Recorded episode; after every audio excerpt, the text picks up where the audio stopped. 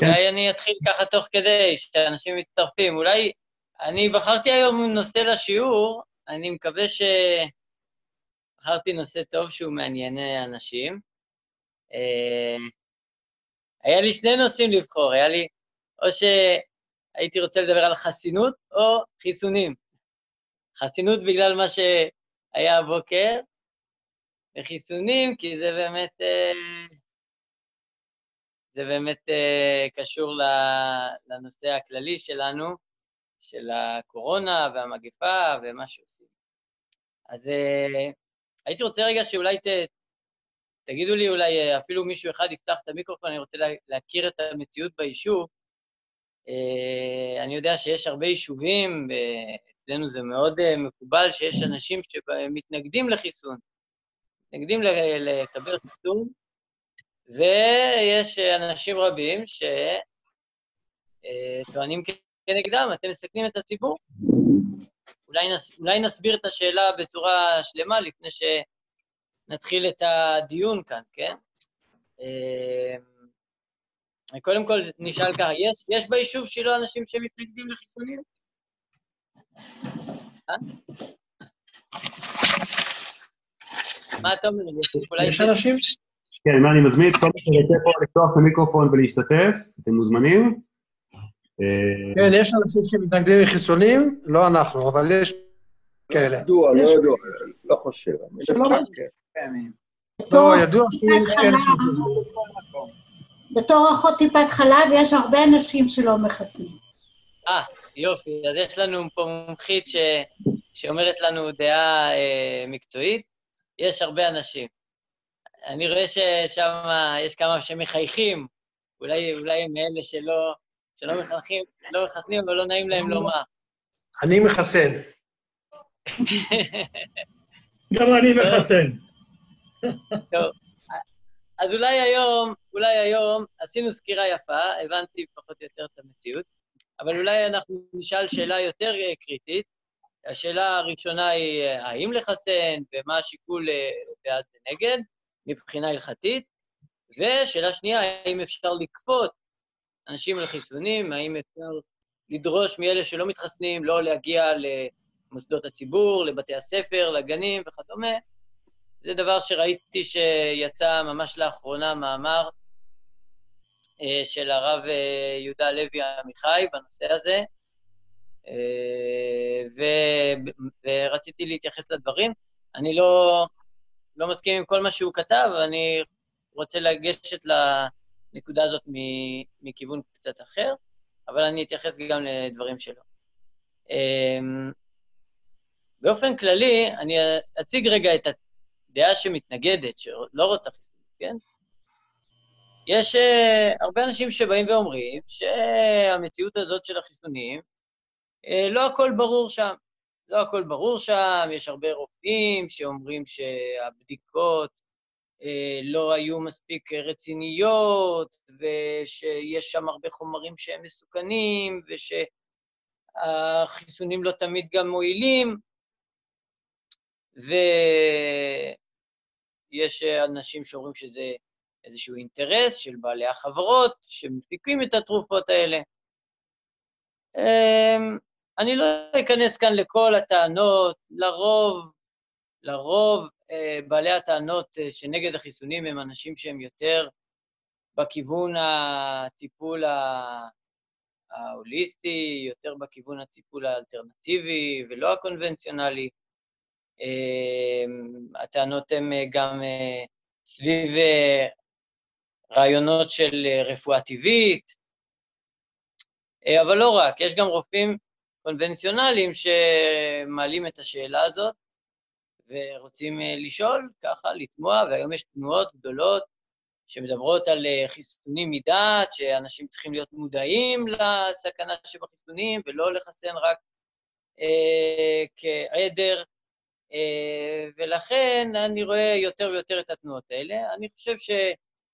אני בטוח שבחודשים הקרובים, לקראת השנה הבאה אולי, אה, כבר ימצאו חיסון לקורונה, ואז כמובן אנחנו נצטרך לשאול את עצמנו אה, כמה לחייב את האנשים ביישוב, כמה לחייב את עצמנו, אה, וכפי שכתבתי בדף מקורות, שתכף נראה, האם יש כאן מצווה להתחסן, האם יש כאן היתר להתחסן, או שיש אנשים שיתפסו את זה כאיסור, לסכן את עצמך. אז על זה השיעור, ואני רוצה אה, לפתוח ב, אה, בהצגת השאלות. הצגת השאלות. אני רוצה לחלק את הדיון לארבע חלקים. אה, דיון מספר אחד, הייתי רוצה אה, דווקא לתת פה אה, דיון שלא ראיתי אף אחד שמתעסק בו בשאלת החיסונים, וזה שיש ויכוח בין רופאים.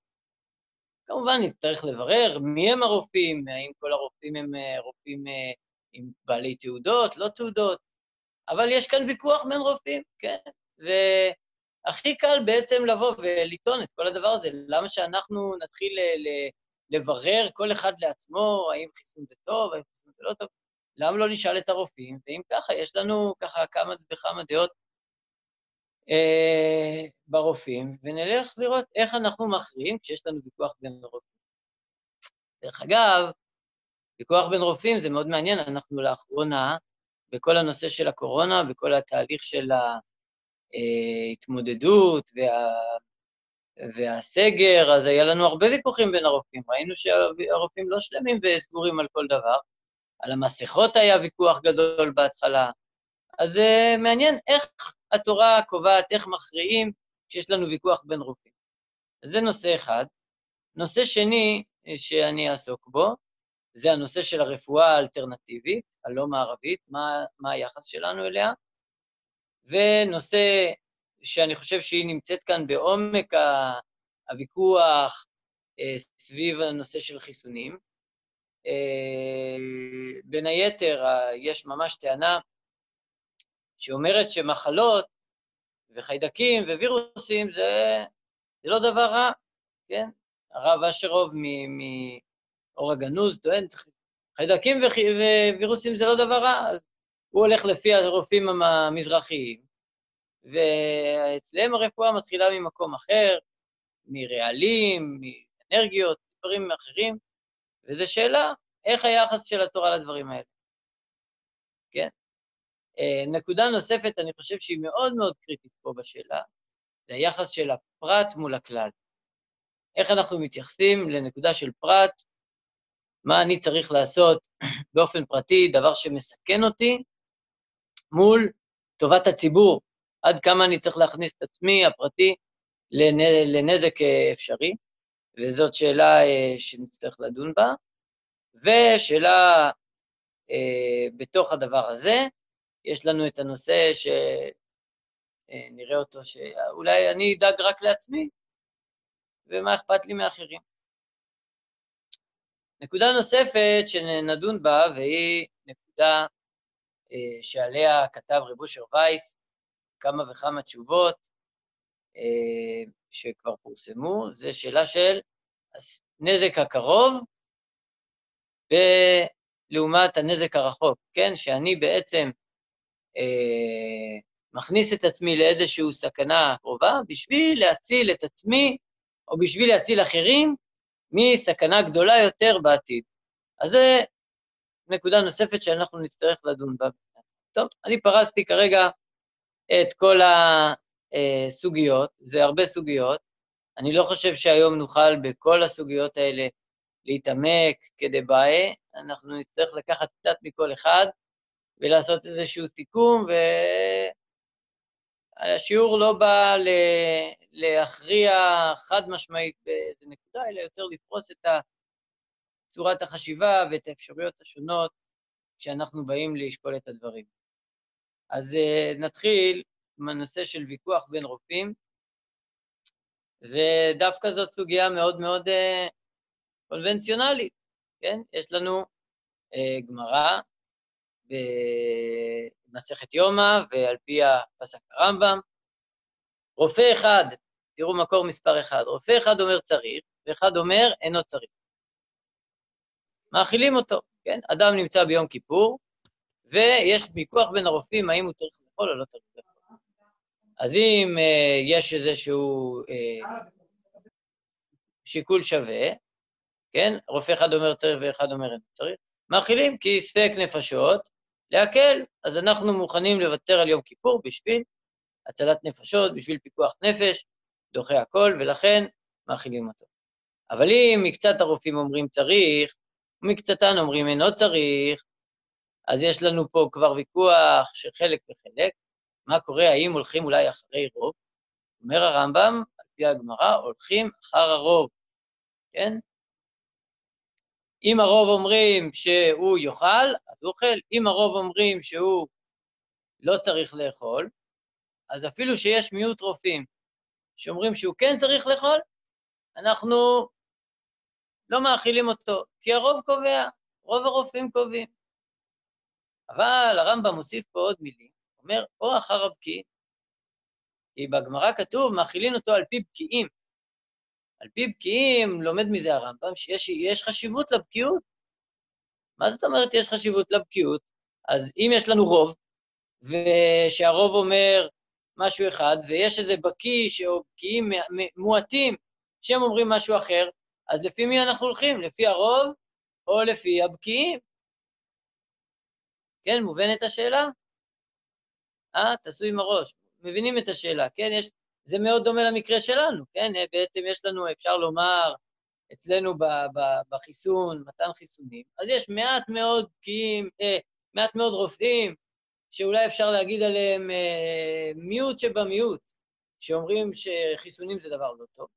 ורוב רובם של הרופאים, כל מערכת הבריאות, רובם מוחלט אומר שחיסונים זה דבר טוב, טוב לציבור, טוב לאדם, והוא לא מסוכן, אז לפי מי נלך? אז יכולים לבוא אנשים ולטעון, תשמע, אתה, או למה שתלך אחר הרוב? יש לך מיעוט, אבל המיעוט הזה הוא, תשמע, הוא מיעוט שהוא, יש לו חשיבה הרבה יותר הוליסטית, הוא הרבה יותר מבין, הוא הרבה יותר חכם, והוא לא נכנע ללחץ הריבוני, אז אולי נלך אחר הבקיעים. אז הנה פה הרמב"ם נותן איזה פתח, ללכת אחר הבקיעים אפילו נגד הרוב. אבל מעניין, בשולחן ערוך וברימה ממש לא מסכים לדעת הרמב"ם. שולחן ערוך פוסק שלא לא, לא, לא הולכים בכלל אחר הבקיעים. כן, מקור מספר 2, רופא אחד אומר צריך ורופא אחד אומר אינו צריך, מאכילים אותו. הגה, והוא הדין לשניים נגד שניים, אפילו קצתן יותר בקיאים מקצתן. כן? אז לא רק שמיעוט הבקיאים לא יכולים לגבור על הרוב, אלא אפילו אם יש שווה בשווה, ששווה בשווה זה ככה שיטת הרמב"ם, אה, אפשר לומר לפי המגיד משנה, המגיד משנה מבין שכשהרמב"ם אומר שהולכים אחר הבקיעים, אז זה במקרה ששווה בשווה, כן? שווה בשווה, לך אחר הבקיאות, אבל אם יש רוב, הולכים אחר הרוב. אה, אבל הרמ"א לא מקבל אפילו את זה. אפילו קצת יותר בקיאים מקצתם, ואפילו שזה שווה בשווה, לא אחרים אחר הבקיאות. לעומת זאת, התז, מקור מספר 3, התז מביא את שיטת הרמב"ן. אומר התז, יותר בקיאים בטור כתב בשם הרמב"ם, באם אחד מופלג בחוכמה, מאכילים בשבילו אפילו כנגד שניים. כלומר, יש פה שיטה שלישית, שהולכים אחרי היחיד, אם הוא מופלג בחוכמה, מקלים ומאכילים את החולה ביום כיפור, אפילו נגד הרוב. כן, יוצא לנו שלוש שיטות. שיטה אחת אומרת, נלך נגיד השולחן ערוך, לא אכפת לנו בכלל הבקיאות, הולכים רק לפי הרוב. שיטה שנייה, שיטת הרמב"ם, אה, לפי המגיד משנה. איך שהמגיד משנה מבין את הרמב"ם זה שהולכים או אחר הרוב או אחר הבקיעים, הכוונה היא אחר הבקיעים רק אם זה שווה בשווה. אבל אם יש רוב, הולכים קודם כל אחר הרוב. ושיטה שלישית, שיטת הרמב"ן. הרמב"ן טוען שמקלים אפילו בחוכמה, מקלים אפילו ליחיד, לרופא אחד נגד רבים. אמ, היה אפשר להציג עוד שיטה שאומרת שאפילו אם היחיד הוא בקיא והוא אומר שלא לאכול, אז מחמירים על פי היחיד, אבל שיטה כזאת לא מצאנו, כן? היחיד שאומר שהולכים אחר המומחה זה הרמב"ן, והרמב"ן אומר שהולכים אחר המומחה רק במקרה של להקל. אני לא חושב שהרמב"ן יגיד שהולכים אחר המומחה, המומחה היחיד נגד הרבים, גם במקרה של להחמיר.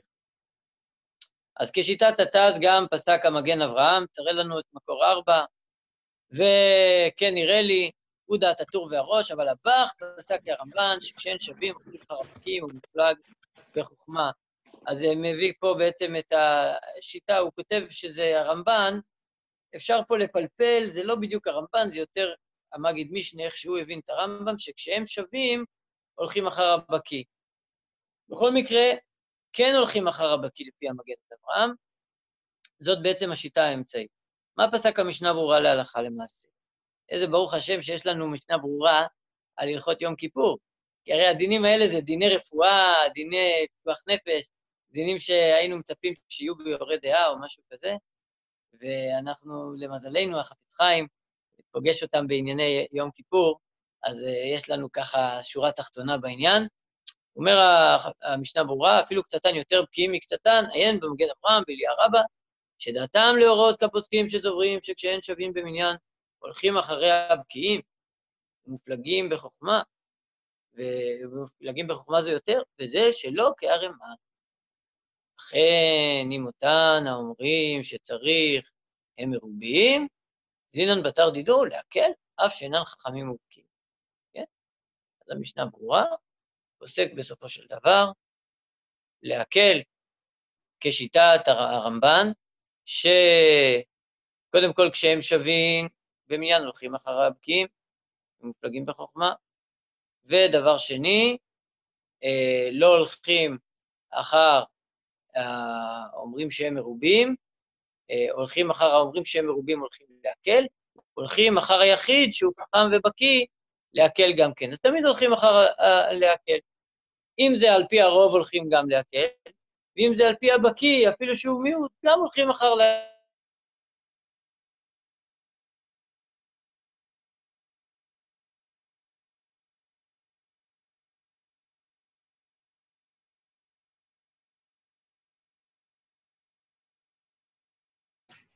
רק אצלי זה קפוא שאתם גם לא רואים כלום?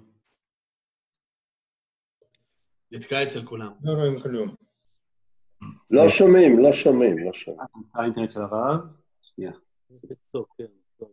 או, הרב דרורי, חזרת? לא, שומעים אותי רגע, שומעים אותי או לא? כן, כן. עכשיו שומעים. אה, עכשיו שומעים. כן.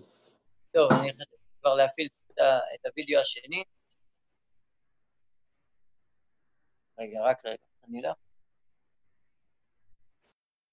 כנראה הרופאים המתנגדים הפריעו לשידור. כן, טוב. אז uh, על כל פנים, uh, uh, מה, מה, שאני, מה שאני בעצם אומר, יש פה בעצם ויכוח גדול האם הולכים אחרי הבקיאות נגד הרוב. ולכאורה, אה, הייתי אומר, מה קורה במקרה שלנו? שחלק מהרופאים אומרים שלחסן זה מסוכן, חלק מהרופאים אומרים, מה פתאום, לא לחסן זה מסוכן. אז מי פה הולך להקל? אפשר להגיד מילה אחת? אני לא, מכיר אף, אף, אני לא מכיר אף רופא שאומר שלחסן זה מסוכן. כל הרופאים שאני מכיר, כולם לא 90 אחוז, אלא 100 אחוז, כולם אומרים שצריך לחסן. אז אני לא מבין בדיוק מה שהרב אומר, על מה הרב מדבר. יש גם רופאים אלטרנטיביים. יש אנשים שקוראים לעצמם... הרב אשרוב, הרב אשרוב. הוא לא, הוא, לא, הוא לא רופא, הוא לא רופא, אשרוב הוא מאוד נחמד, הוא לא רופא. הוא גם לא רב, אבל לא חשוב. אז, אז, אני, אני, תראו, אני, אני אסביר מה הקו, הקו המנחה שלי פה. הקו המנחה שלי פה הוא להתייחס לטענות של האנשים האלה ברצינות גמורה. ולהגיד, אם הם חושבים שהם כל החיים שלהם חיים על פי הדרך הזאת של, של, של הרפואה הטבעית. ולכן, אה, עכשיו להגיד, לבוא ולהגיד להם, אתם לא שווים כלום, וכל הרפואה שלכם היא חלטורה... לא, לא, לא אמרתי את זה חס ושלום, אני מכבד אותם. אני מכבד אותם, ואני מכיר אנשים כאלה. אני רק אומר שלהשוות עם הרמב"ם והמגן אברהם, המשנה ברורה, כל הפוסקים מדברים על משהו אחר, מדברים על, על רופאים, זה משהו אחר. ומדברים גם על אכילה ביום כיפור, שזה גם משהו אחר. כן. אז עכשיו אנחנו צריכים להגדיר מי זה רופא. ובמקרה שלנו, אולי כדאי להגדיר מי הם נחשבים הבקיאים, ומי הם נחשבים הלא בקיאים, כן? ובדיוק בשביל זה יש לנו, ברוך השם, את ההלכה ואת הרמב"ם, ואנחנו נדון בכל הדברים האלה אחד לאחד. אז אה, רק רגע. אה, מחילה, אני צריך לעשות כאן אה, איזושהי נקודה קריטית. אה? טוב. מחילה, יש לי הפסקה של שתי דקות, בסדר? ממש מחילה, הפסקה של שתי דקות.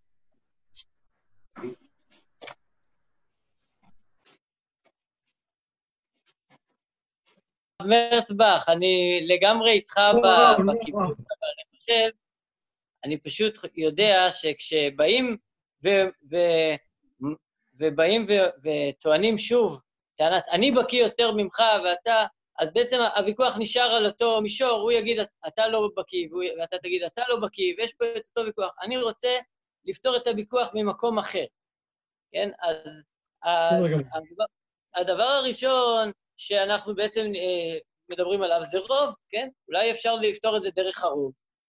אה, אז זו האפשרות הראשונה, וראינו שיש שיטות שרוב השיטות אומרות, באמת הרוב הולכים אחר הרוב, באמת הולכים אחר הרוב, אבל יש מיעוט שיטות שאומרות, כמו הרמב"ן, אה, לא, הולכים אחר הבקיא, אפילו נגד הרוב, במיוחד כשיש פיקוח נפש. וכאן אצלנו נשאלת השאלה, איזה מהרופאים הוא יותר מקל, זה שאומר לחסן או זה שאומר לא לחסן, כן? מי דואג יותר לפיקוח נפש? ברור ששני הצדדים דואגים לפיקוח הנפש. אז לכן קשה להגיד מי מהם הוא המקל, ובוודאי ששניהם רוצים אה, אה, לדאוג לנפש, אה, אז במקרה כזה אנחנו נצטרך לשאול מי הבקיא. טוב, איפה דף המקורות? מה? דף המקורות לא מופיע אצלי, איפה הוא? אז בואו נחזיר את דף המקורות. כן, בסדר? אה, אלישיב, כן? כן? והשאלה עכשיו נשאל מי הבקיא, אז בואו תראו מה הרב זילברשטיין, מי שמכיר, הוא, יש לו הרבה תשובות בענייני רפואה, מבני ברק. אומר הרב זילברשטיין במקור מספר 6, שמענו בשם הגאון מריל דיסקין, זה הצד, שהמון העם הוא המחליט בזה. ויעץ לשאול את הרוקח בעיר ממי הוא מקבל את מרבית גיליונות הרצפה. כלומר, איך יודעים מי הוא הרופא הכי בקיא בעיר? לפי מי שרוב האנשים הולכים אליו. מה ההיגיון? מה ההיגיון להגדיר את הרופא הבקיא ביותר לפי מי שרוב האנשים הולכים אליו? אולי רוב האנשים הם טועים, הם לא יודעים מי הוא הרופא היותר חכם. אז אפשר לומר שתשמע, אם זה מצליח לו, זה מצליח לו, כנראה שהוא מצליח ברפואות שלו, אז כנראה שהוא יותר בקיא. אפשר לומר ככה. אבל הרב זילברשטיין מביא פה רעיון מאוד מאוד יפה, אה, קצת רוחני, שאפשר אה, להוסיף ב, ב, בדבר הזה, והוא מביא את זה מהחתם סופר. החתם סופר שואל שאלה מפורסמת, מה, מה זה הדבר הזה שהקדוש ברוך הוא נתן לרופא רשות לרפות, ואנשים לוקחים רפואות, לוקחים תרופות. הרי אם בן אדם נגזר דינו להיות חולה, אז נגזר דינו להיות חולה, מה זה יעזור התרופות? ואם הקדוש ברוך הוא רוצה לרפא אותו, אז למה הוא צריך לקחת תרופות? אז עונה החתם סופר כזו תשובה. ידוע, תראו במקור מספר 7, שהשם יתברך שם חוקי טבע בעולם, ורצונו שיתנהג העולם על פי חוקים אלו. לכן חולה העוסק בסמי רפואה על פי רופא, אשר טבע הסמים לרפותו ולהגיע במזורו, כדי לשנות הטבע, שלא יתרפא בלו הסמים, הוא מעשה נס, שהוא נגד הטבע. ואין עוונותיו גדולים כל כך שהקדוש ברוך הוא יעשה נס נגד הטבע. דהיינו שלא יועילו לו סמי הרפואה. לכן, אף שאינו זוכה שיתרפא על פי נס, בכל מקום אם יתנהג על פי הטבע לרפאותו, יועילו לו זכויותיו, ובפרט רחמי שמיים שיתרפא. אני אסביר בעל פה. אומר החתם סופר, אם אדם רוצים לרפא אותו, על פי הנס, הוא צריך הרבה זכויות בשביל הדבר הזה, כדי שהקדוש ברוך הוא ירפא אותו סתם. אבל אם הוא מתרפא על פי הטבע, זה צריך פחות זכויות בשביל זה. כי להתנהג בדרכי הטבע זה טבע העולם, לא צריך בשביל זה הרבה זכויות. עכשיו, אדם שלוקח רפואות, לוקח תרופות, זה על פי הטבע. אם זה על פי הטבע, הוא לא צריך הרבה זכויות כדי לצאת מהמחלה. אז לכן, בקלות הוא יוצא מהמחלה. לעומת זאת, אם הוא יתפלל בלי תרופות,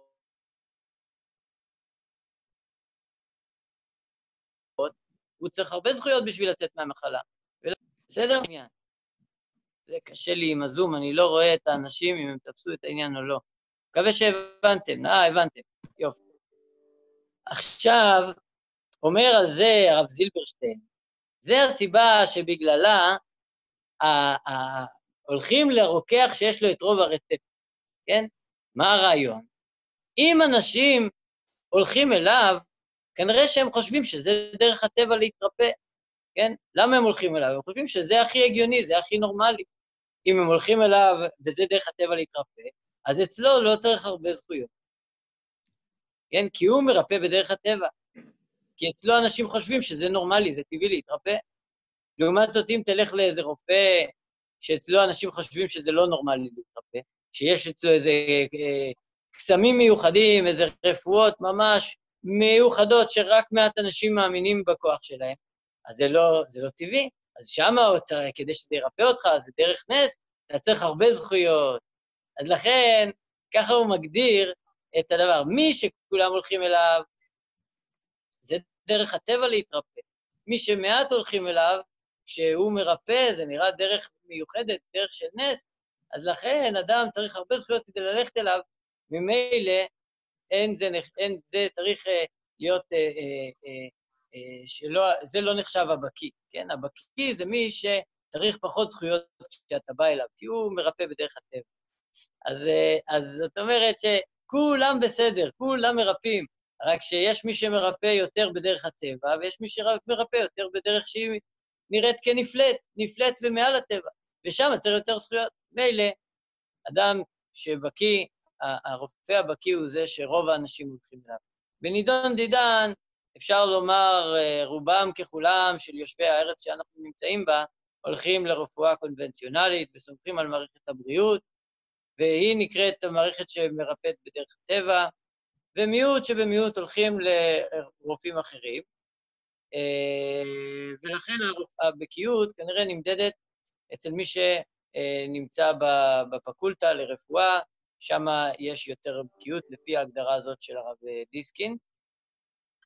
כמובן שהדבר ישתנה ממדינה למדינה. אם יש מדינה שבה כולם, או אפילו אם יש עיר, שבה כולם הולכים לרופא הסיני, ההומאופת, או אני לא יודע מה, אה, יכול להיות ששם זה הנורמלי, ושם זה הדרך הטבע, ושם כל אחד שיביא איזו רפואה מערבית, אולי יחשבו עליו שהוא משוגע, אז דווקא שם הבקיא יותר זה החכם הסיני, הוא דווקא נחשב הבקיא יותר.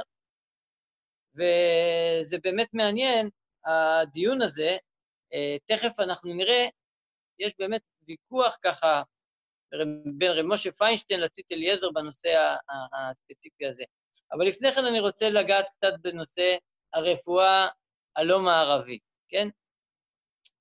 זה מעניין לראות ככה אה, שזה לא משהו חדש, כל היחס לרפואה הלא מערבית, אלא היא נתונה במחלוקת ראשונים כבר מימי הביניים, אה, אולי אפילו כבר מחלוקת תנאים. תראו במקור מספר 8.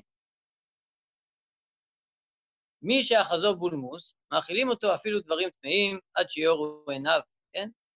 מי שנשכו כלב, שותה, אין מאכילים אותו מחצר כבד שלו, ורבי מתיה בן חרש מתיר.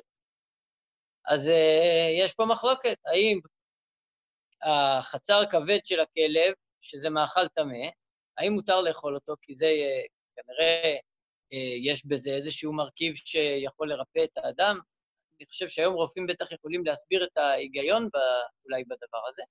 בכל מקרה, חכמים אוסרים את הדבר הזה, בגלל שזה לא נחשבת רפואה מספיק אה, אה, ברורה, ורבי מתיה בן חרש מתיר, כי הוא חושב שזה בסדר.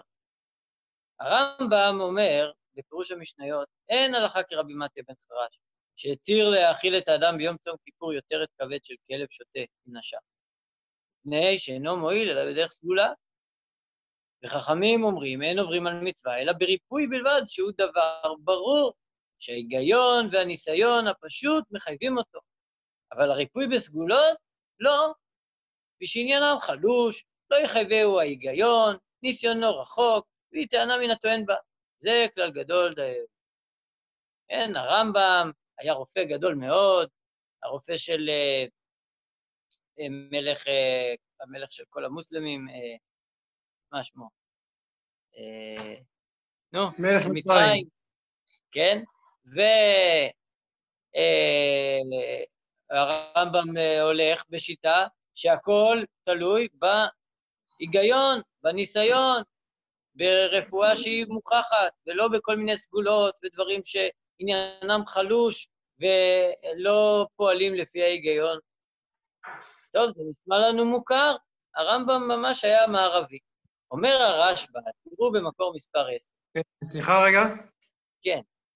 כן, אבל אה, לפי מה שאני רואה שמה, מהרמב"ם, זה רק ביום כיפור אסור להאכיל אותו, לפי חכמים, אבל ב, ביום יום כן אפשר להאכיל, כלומר שכן אפשר אה, להאכיל אותו מחצר כבד של, אה, של כלב שוטה, אפילו שזה איסור, רק ביום כיפור לא, אסור. לא, לא, אני לא חושב שהרמב"ם יגיד ככה, לא. ספציפית ביום כיפור, הוא אומר שאפילו מאכילים אותו ביום כיפור, ואפילו דברים טמאים, אבל גם ביום של חול אסור להאכיל אותו דברים טמאים. לא, אין- זה אין כתוב. זה הרמב"ם, אה, כתוב. אין לך כרבים מעטה בן חרש, התיר להאכיל את האדם ביום צום כיפור יותר של, כבד של כלב שוטה. אבל ב, ב, ביום, בחכמים אומרים, זה לא, אין כאן, חל, יש, אין כאן חלוקה של, של, של המשנה בין אה, יום כיפור לא יום כיפור. כלומר תראה, שהחכמים תראה, אומרים... אפשר היה לדייק, אפשר היה לדייק מה שאתה אומר, אבל זה פשוט uh, ממקורות אחרים, זה לא, זה לא עובד ככה, זה לא נכון. הרמב"ם זה שהוא אמר את זה פה ביום כיפור, זה גם נכון בשאר הימים. ואפשר פשוט להביא את זה עכשיו. אה, יש, יש uh, דיון מעניין, הרמב"ם פה סותר את הרמב"ם במסכת שבת לגבי ביצת החרגול, ומסמר של המסמר הצלוב, ששם הרמב"ם כן התיר לצאת איתם אה, לרשות, אה, לרשות דה רבנן, אה, אולי אפילו לרשות דאורייתא, ואולי נאמר על זה משהו בהמשך, אבל סתם ככה אסור לעשות איסורים. אסור לעשות איסורים לפי הרמב"ם, בין אם זה איסורי אכילה, בין אם זה איסורי שבת, או... אסור לעשות איסורים כשהריפוי הוא לא מוכח וחד משמעי, עם ניסיון. אז אה, הרשב"א כאן חולק במקום עליו. בעצם הרמב"ם אה, מסביר את עצמו, אין עוברים על מצווה אלא בריפוי בלבד. אז גם מהרמב"ם פה זה די ברור כן. שעל שום מצווה עוברים, אלא אם כן זה ריפוי בלבד. נכון, נכון. טוב, עמיאל, אם תמצא שאני טועה, אני אשמח לשמוע. כאילו, בכבוד, אני אשמח ל... לשמוע ש... אחר. טוב, שו"ת הרשב"א אומר ככה, אני שואל כמסתפק בדברי הרב, מהו הדבר שיקראו הרב ז"ל שיגזרהו העיון הטבעי? כן, אתה הרמב"ם אומר, העיון הטבעי, למה בדיוק אתה מתכוון? לאיזה עיון, לאיזה היגיון, על איזה היגיון אתה מדבר? אתה מתכוון עם מה שגזרו עיון חכמים שחיברו ספרים בטבע כאריסטו וגלינוס? כן, גלינוס היה אבי הרפואה וכתב ספר גדול על הרפואה. אתה, הרמב"ם, הרי למדת את הספרים שלהם, אז רק מהספרים שלהם אנחנו יכולים לדעת מה זה היגיון. וחבריהם, שחיברו ספרים בטבע הסמים והמסעדים המועילים לפי עיונם, וכל מה שלא השיג עיונם הוא בכלל איסור דרכי האמורי, אה? זה מה שאתה, הרמב"ם, אומר. מה שהם לא הבינו, זה כבר נחשב דרכי האמורי. לפי שעיון חכמים אלו שהתלדו בחומת הטבע, לפי דעתך הוא כולל כל מה שאפשר להיות פועל, כל בעל טבע בטבעו. ואצל עיון חכמים אלו ייפסק מאפשרות העיון הטבעי. כלומר, אתה בעצם רוצה להגיד, הרמב"ם, שהם הבינו את הכל, הם ידעו הכל, וכל מה שלא נמצא אצלם בספרים, כנראה שהוא מחוץ לעיון הטבעי, כנראה שאין בו היגיון. זה באמת מה שלא יקבלהו השכל, כי באמת הדברים הפועלים בסגולה, אין פעולתם בפלא מהם, אלא בטבע מסוגל. רצוני לומר, טבע לא ישיגנו עיון החכמים. כן, הרשב"א אומר, אתה הרמב"ם מתיימר לומר שאצלכם אתם החכמים הרופאים,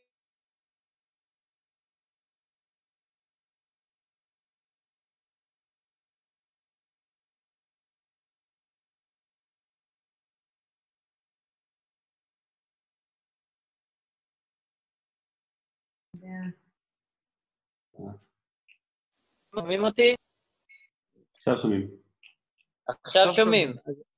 טוב, פעם הבאה תסמנו לי אם לא שומעים אותי, כי אני, אני יכול לראות אותי.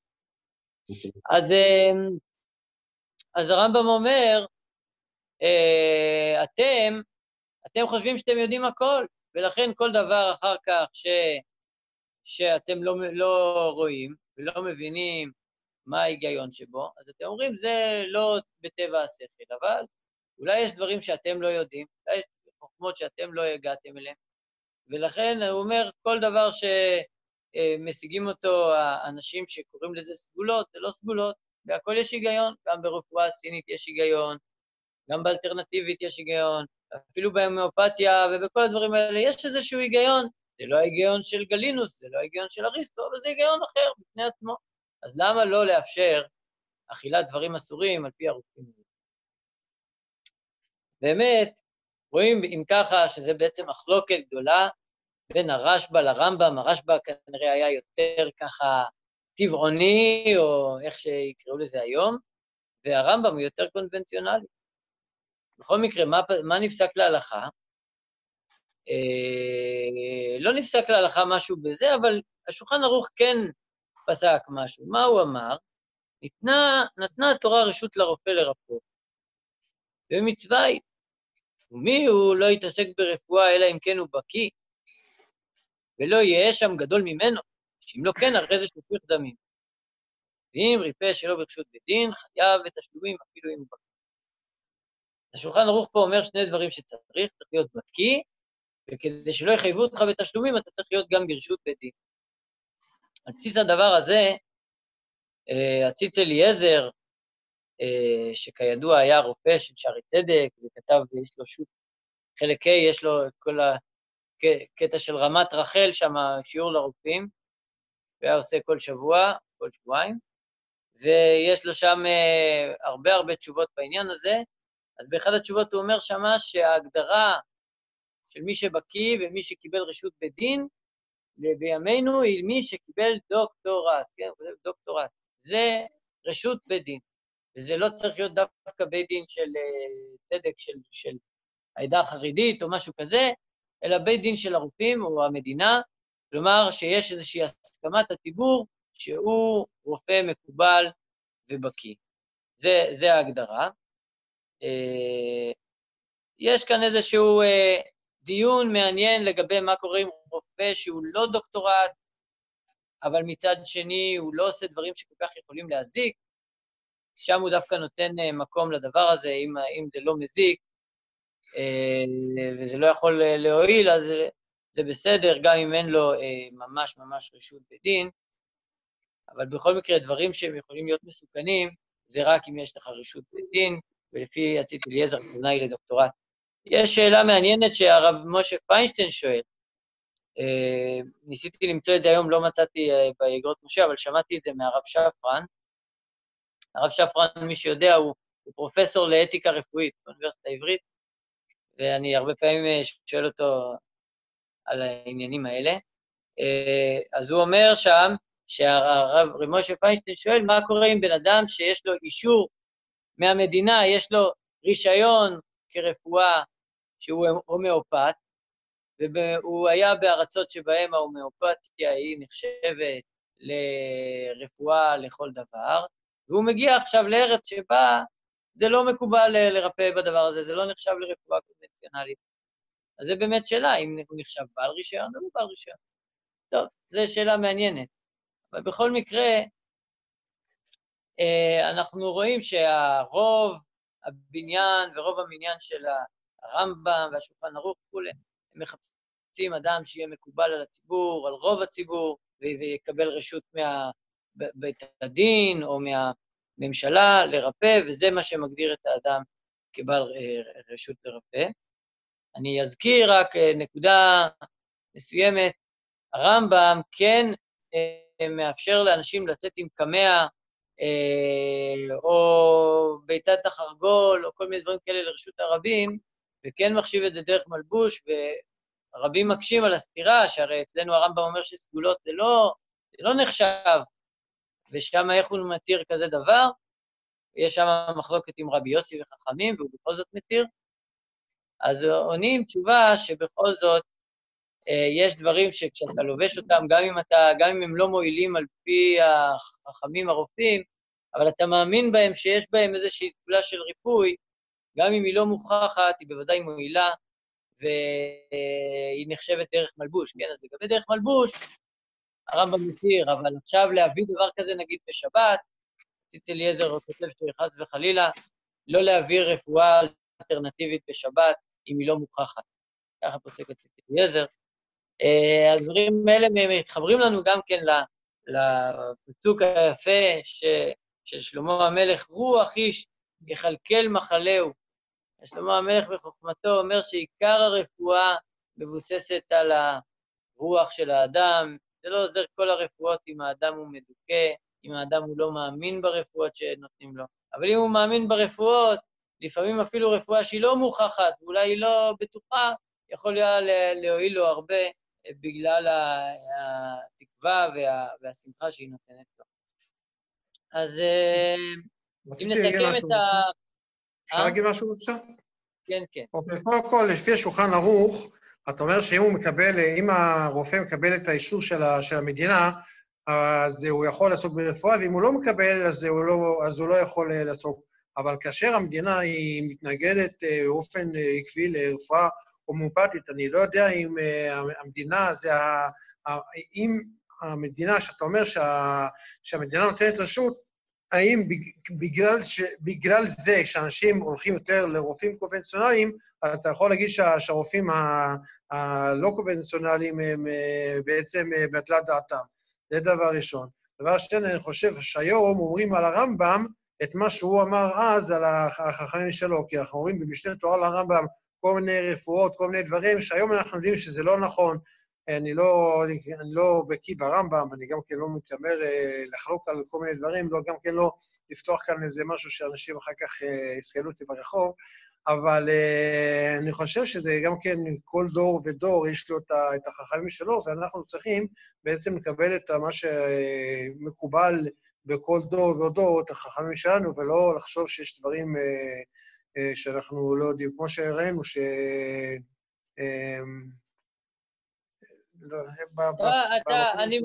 אני מסכים למה שאתה אומר, גם הרמב"ם, אני חושב, יסכים לזה, שכל דור והרפואות שלו, ואין לרמב"ם שום בעיות אם, אם יגידו לו שבחלק מהדברים דורשים עדכון. אבל לגבי נקודה אחת, זה לא נכון שהמדינה מתנגדת לאיזושהי רפואה קונבנציונל, לא קונבנציונלית, לא חושב שזה נכון? לא, לא מתנגדת, אבל לא מכירה כן, כן, וגם אם כן, יש הבדל בין לרפא ברשות בית דין, שזה גם אם הזקת, אתה פטור, לבין הזכות לרפא. הזכות לרפא היא אפילו של... מותר לרופא לרפא אם הוא בקיא. הוא לא צריך רשות בית דין כדי לרפא. אבל אם הוא רוצה שלא יחייבו אותו בבית דין על נזקים, אז הוא צריך רשות בית דין. תסתכל בשולחן ערוך, זה הבדל בין שני הדברים. לכל בקיא מותר לרפא.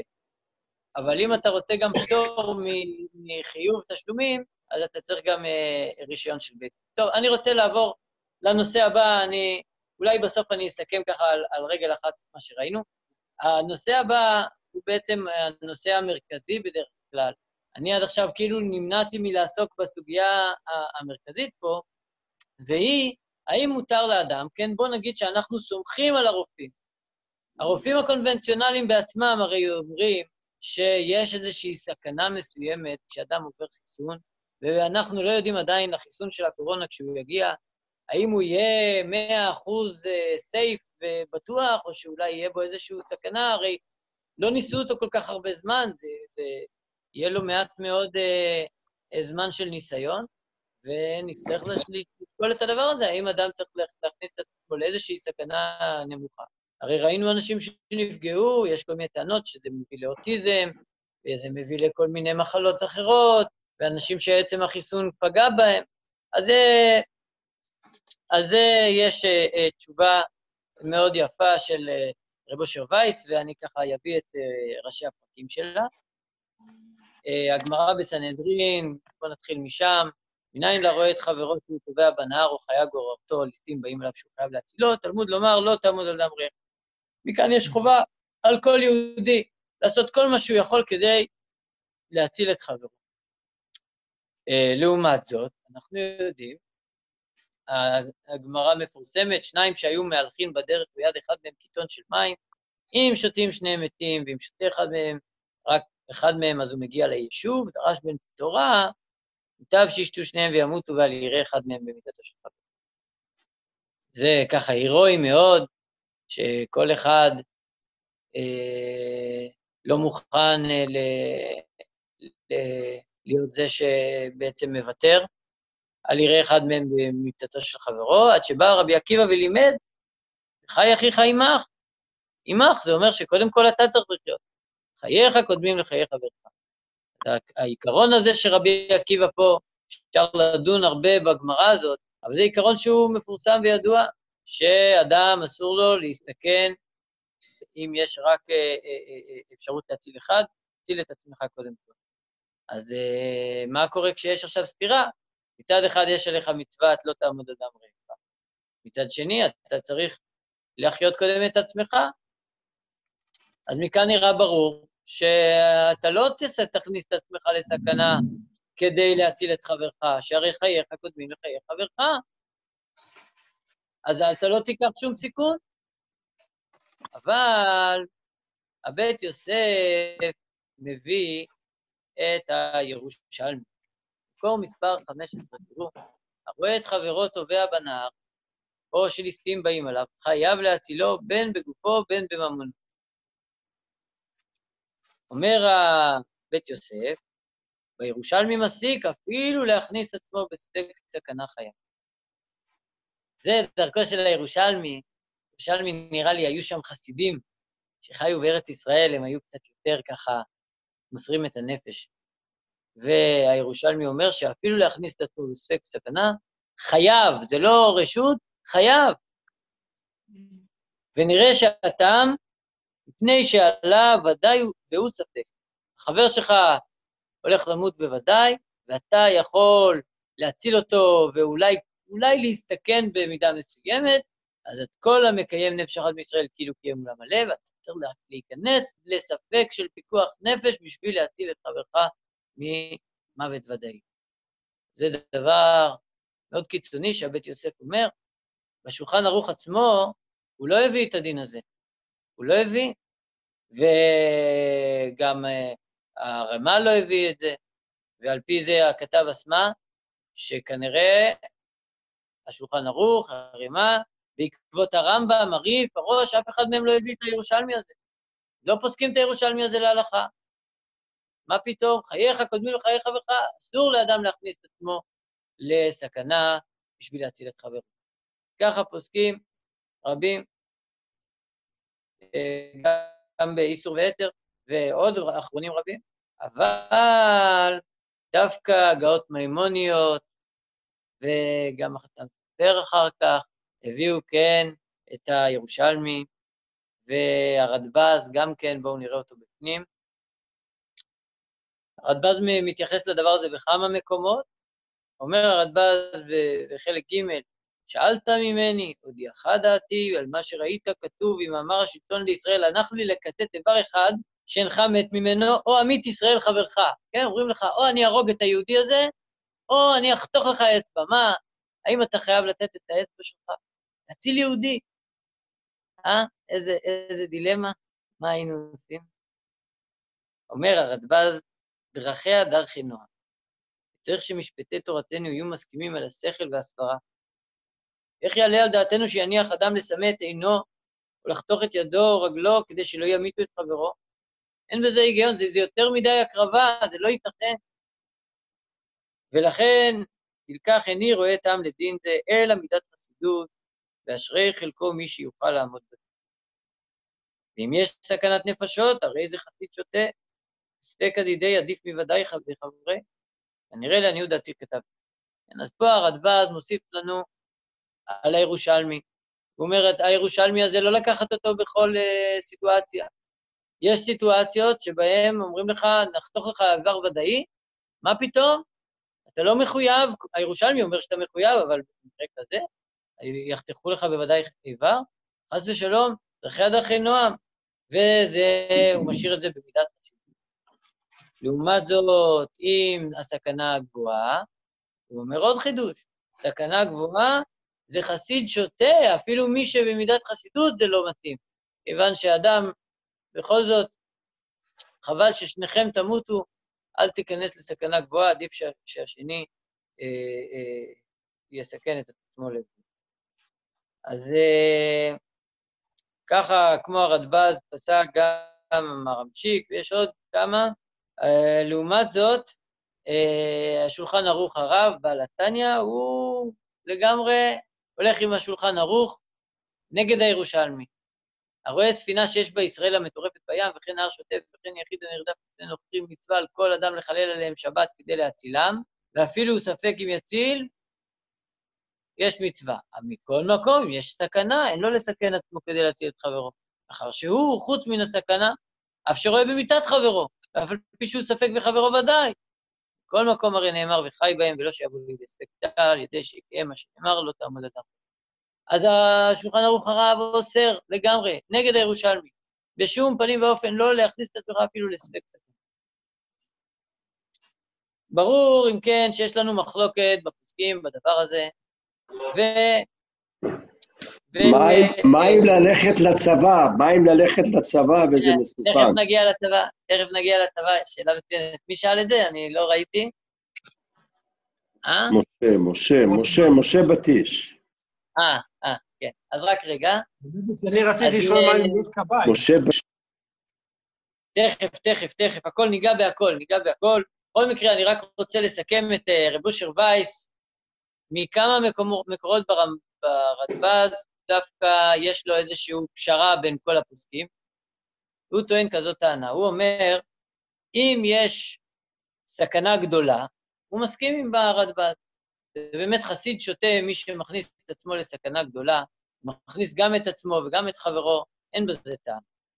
אבל אם יש סכנה זניחה, שבאמת אחד לאלף, או אלפיים, או לא יודע, אחוז מאוד קטן שי- שייפגע מזה, אז הוא חייב, זה ירושלמי. הבית יוסף חייב. כל מי שיתנגד, הוא לא יתנגד במקרה של סכנה זניחה, אלא רק במקרה של סכנה רצינית, של סכנה לפחות 50 אחוז או משהו כזה. ולכן בסכנה זניחה הוא חושב שכולם יסכימו לירושלמי שחייבים. לעומת זאת, אם יש איזושהי סכנה לא זניחה, אלא קטנה, משמעותית, לא גדולה, אבל קטנה, הוא אומר שזו מידת החסידות. על זה דיבר הרדב"ז, יש מידת חסידות במקרה שיש סכנה מסוימת, אבל היא לא גדולה. טוב, זה יפה.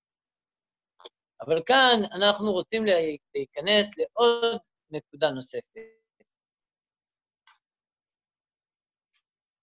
יש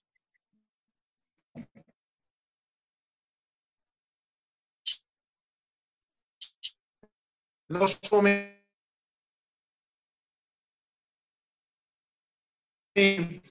לא עכשיו שומעים אותי? עכשיו עכשיו כן. שומעים אותי? שומעים ואלוהים, כן. רבותיי, שומעים? שומעים. כן, כן, שומעים. כן, כן. שומעים, שומעים. אה? תסמנו לי עם היד, עם ה... שומעים, שומעים, יופי. טוב, נעשה ככה. אז אה, פפוס ולוליאנוס, הם היו שני יהו- יהודים קצת לא, לא, לא מי יודע מה הצדיקים הגדולים, ובכל זאת הם באו ומסרו את עצמם להריגה בשביל להציל את כל היהודים האחרים שהיו בעיר, ואמרו שהם נחשבים הרוגי מלכות, אין כל בריאה יכולה לעמוד בפניהם, יש להם מקום מיוחד בגן עדן. אז מכאן אפשר ללמוד אולי שכשאתה רוצה, רוצה להציל רבים, אז שמה לא, לא נקרא חסיד שוטה, שמה אתה יכול למסור את עצמך, אפילו למסור נפש, ואתה נחשב חסיד לא שוטה, חסיד אמיתי, מפני שהצלת רבים וסיכנת רק את עצמך. זו נקודה ראשונה בסכנה לרבים. דבר שני, יש אה, תשובה של... אני מנסה להזדרז, כי אני רואה שכבר הזמן מתחיל להיגמר. הרב קוק, בשו"ת משפט כהן, סימן קמ"ג, במקור מספר 18, ענייני הכלל של מלחמות יוצאים הם מכלל וזה ודברי חי בהם. שהרי גם מלחמת רשות מותרת היא. ואיך מצינו היתר להכניס נפשות רבות בסכנה בשביל הרווחה? הרי מלחמת רשות זה לא פיקוח נפש, זה בשביל שהמלך יהיה לו עוד מיסים, עוד אדמות, להגדיל את הכוח שלו. אלא דמלחמה והלכות ציבור שאני. ואולי היו בכלל משפטי המלוכה שהיו ודאי נמסר, רבים ונמסרים באומה. אין לנו את המשפטים האלה. יש דרך אגב גמרא שאומרת שמלך שהרג אה, שישית, כן, מלכותא דקתל חד משיתא לא מיאנש. כלומר, יש איזושהי מידה של מלחמה מוצלחת, זו מלחמה שעד שישית מהחיילים מת, מתים, זה סביר. אה, היום המלחמות זה הרבה פחות, כן, כמובן. מוסיף הרב קוק ואומר, אסתר משום מה היא חשבה לכתחילה שהדבר רחוק שתציל, שהרי ודאי ימתוה, ותפסיד חיי שעה. וגם כשהייתה חושבת, אולי במשך הזמן תהיה נקראת. אז אסתר, היא לא רצתה ללכת לאחשוורוש. למה לא רצתה אסתר ללכת לאחשוורוש? כי היא פחדה, אולי היא לא תצליח. אולי זו סכנה גדולה מדי. ותוכל להציל, אם היא תחכה קצת, תוכל להציל אז באופן יותר קרוב ולא סכנה.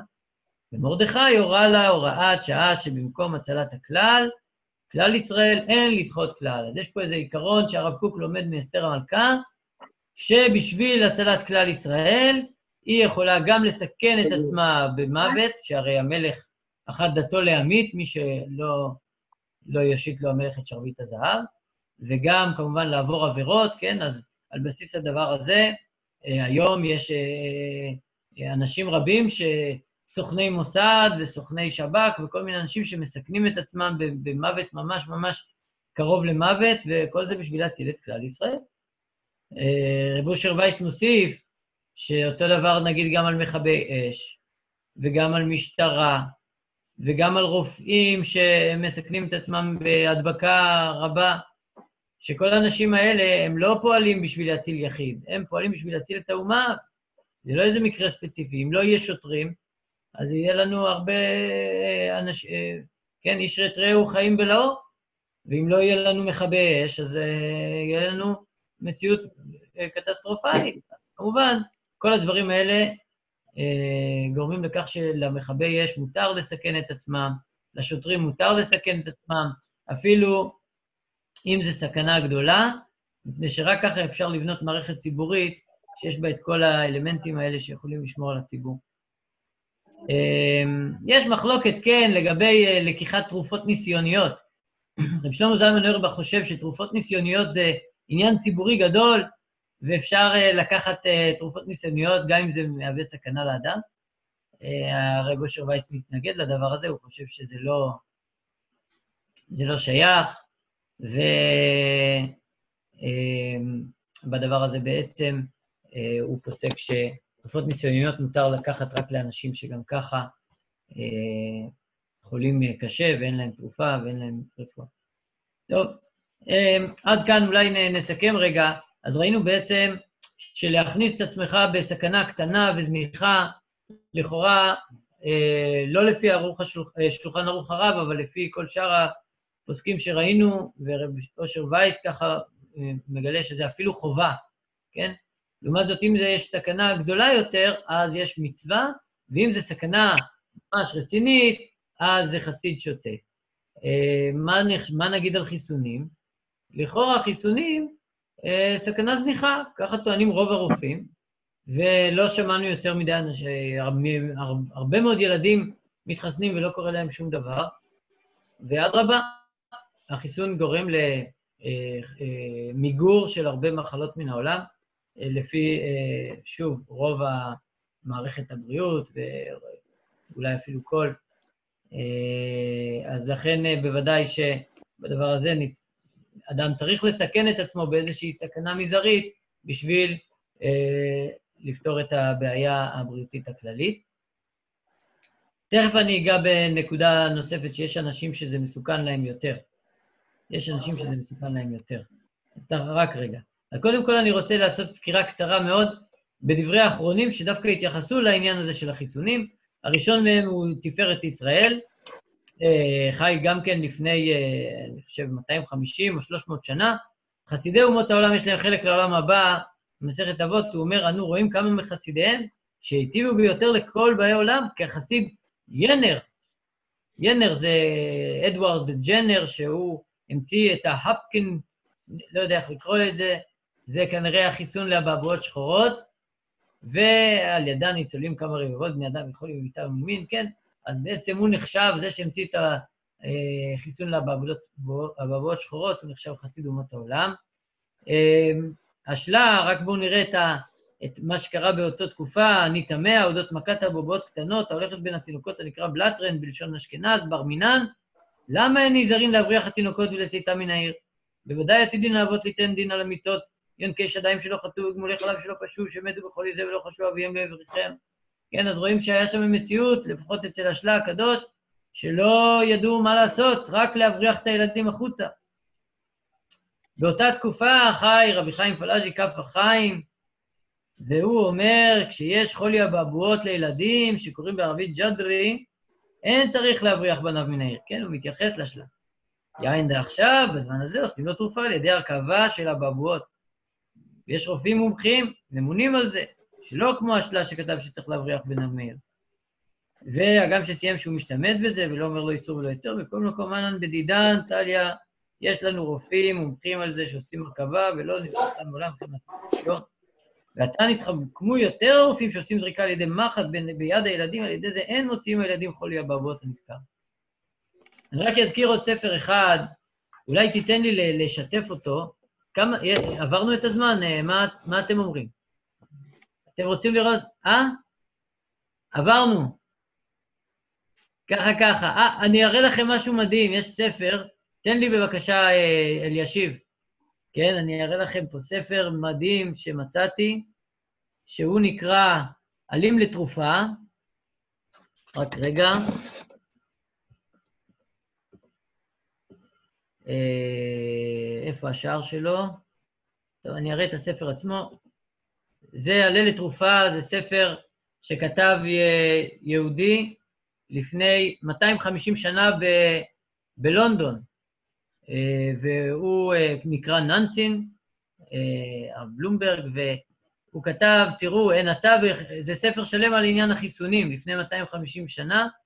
אני אקרא קצת, ואתה בחמלת השם על ברורה, ושיב ידו מבעליה זה כמה, ובלב כל חכמי לב, רופאי זמננו נתן חוכמה ותבונה בהמה, שהמציאו לזה רפואה כוללת, והתפארו שאחד מיני אלף שמת מכל ינ"ל, אם הוא מתנהג בסדרי הרפואה, וכדרך בשר ודם, אה, וכולי וכולי וכולי, והוא מסביר איך עושים את הדבר הזה.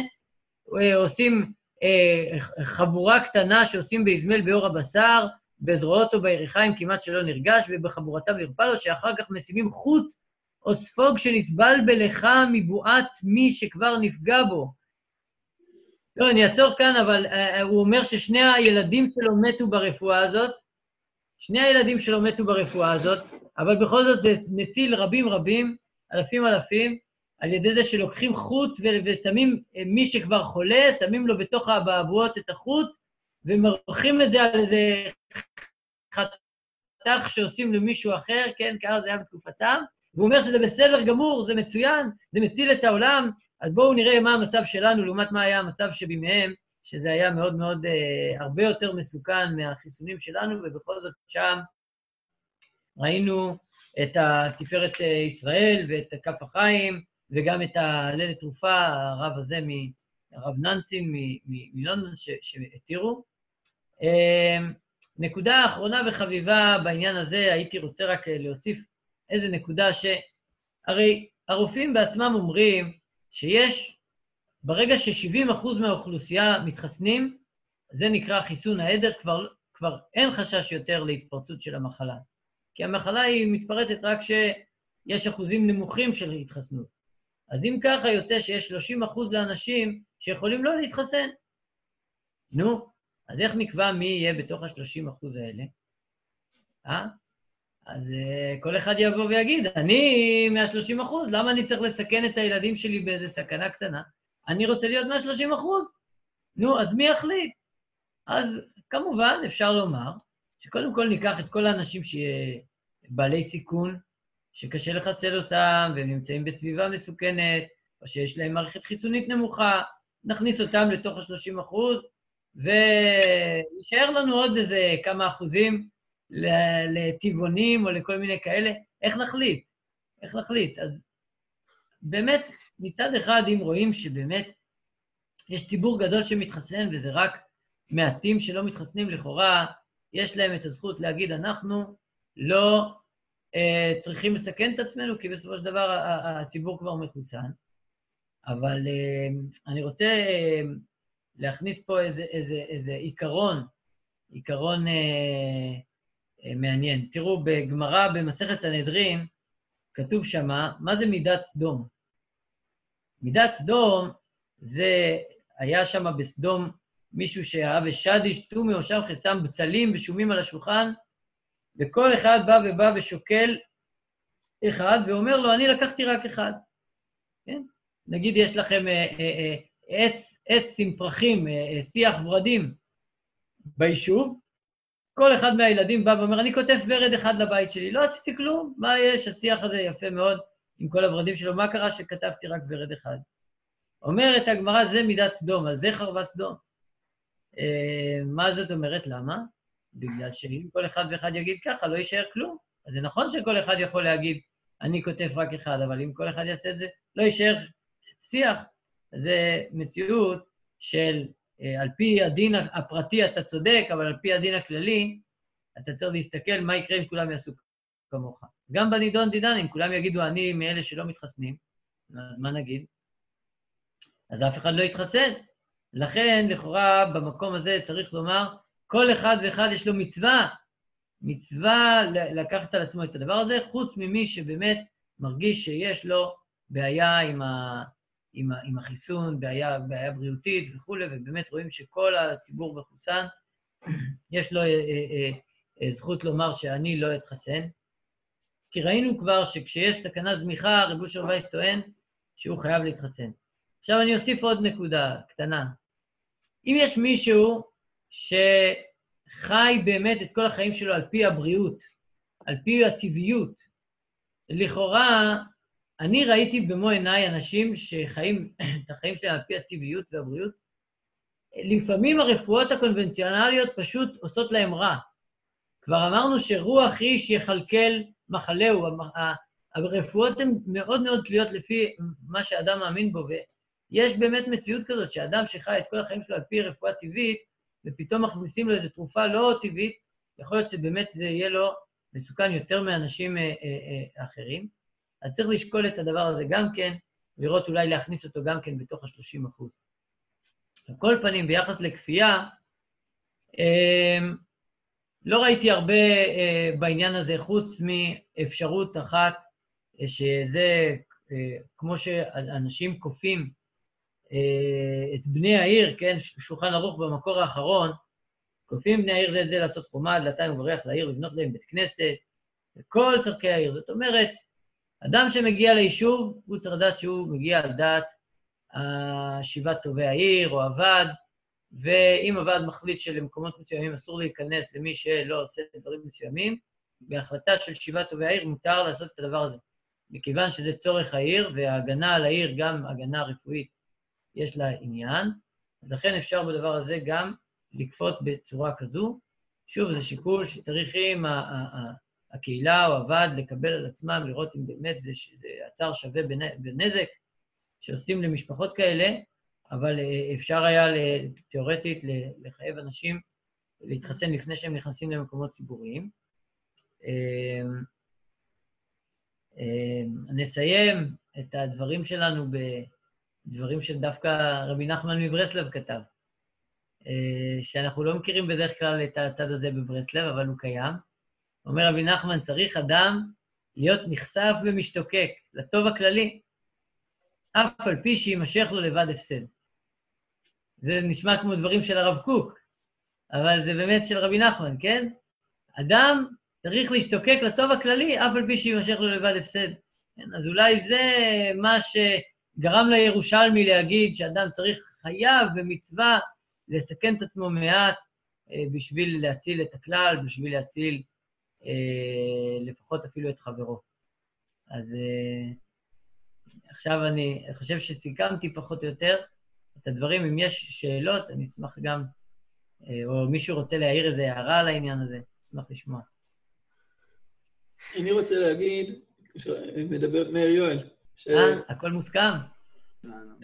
אני מאיר רוצה להגיד ש- שרבי נחמן אמר, כתוב טוב, ברחובנו, נ- נסכם את זה, בסדר. אז אה, רבותיי, אני שמחתי לראות אתכם שוב. הרב דרוריש, לא תקשיב, אתה רוצה להגיד משהו? לא שומעים אותך. לא, אמרתי ששומעים, יש פה דוברים בקהל, פשוט אתה לא שומע אותם כנראה. אני אני לא שומע. כן. אמר, אני, אני אמרתי שרבנו אמר... מישהו שומע את אלישיב? אה, אה, טוב, אני- נראה לי שהרב פשוט לא שומע את הדוברים, אז נראה שאני צריך לעצור. לא, לא, לא שומעים. יש לקשר אחר כך. מצטער, אה, מאיר יואל. הכל בסדר. רק טוב. טוב, תודה רבה לכולם. שיהיה לילה טוב. תודה רבה, תודה רבה. תודה רבה. חג גדול. שמח, שאני לא אראה אתכם עד החג, שיהיה חג שמח. כל שמח. טוב, שלום רב. חג שמח. חודש טוב, תודה רבה.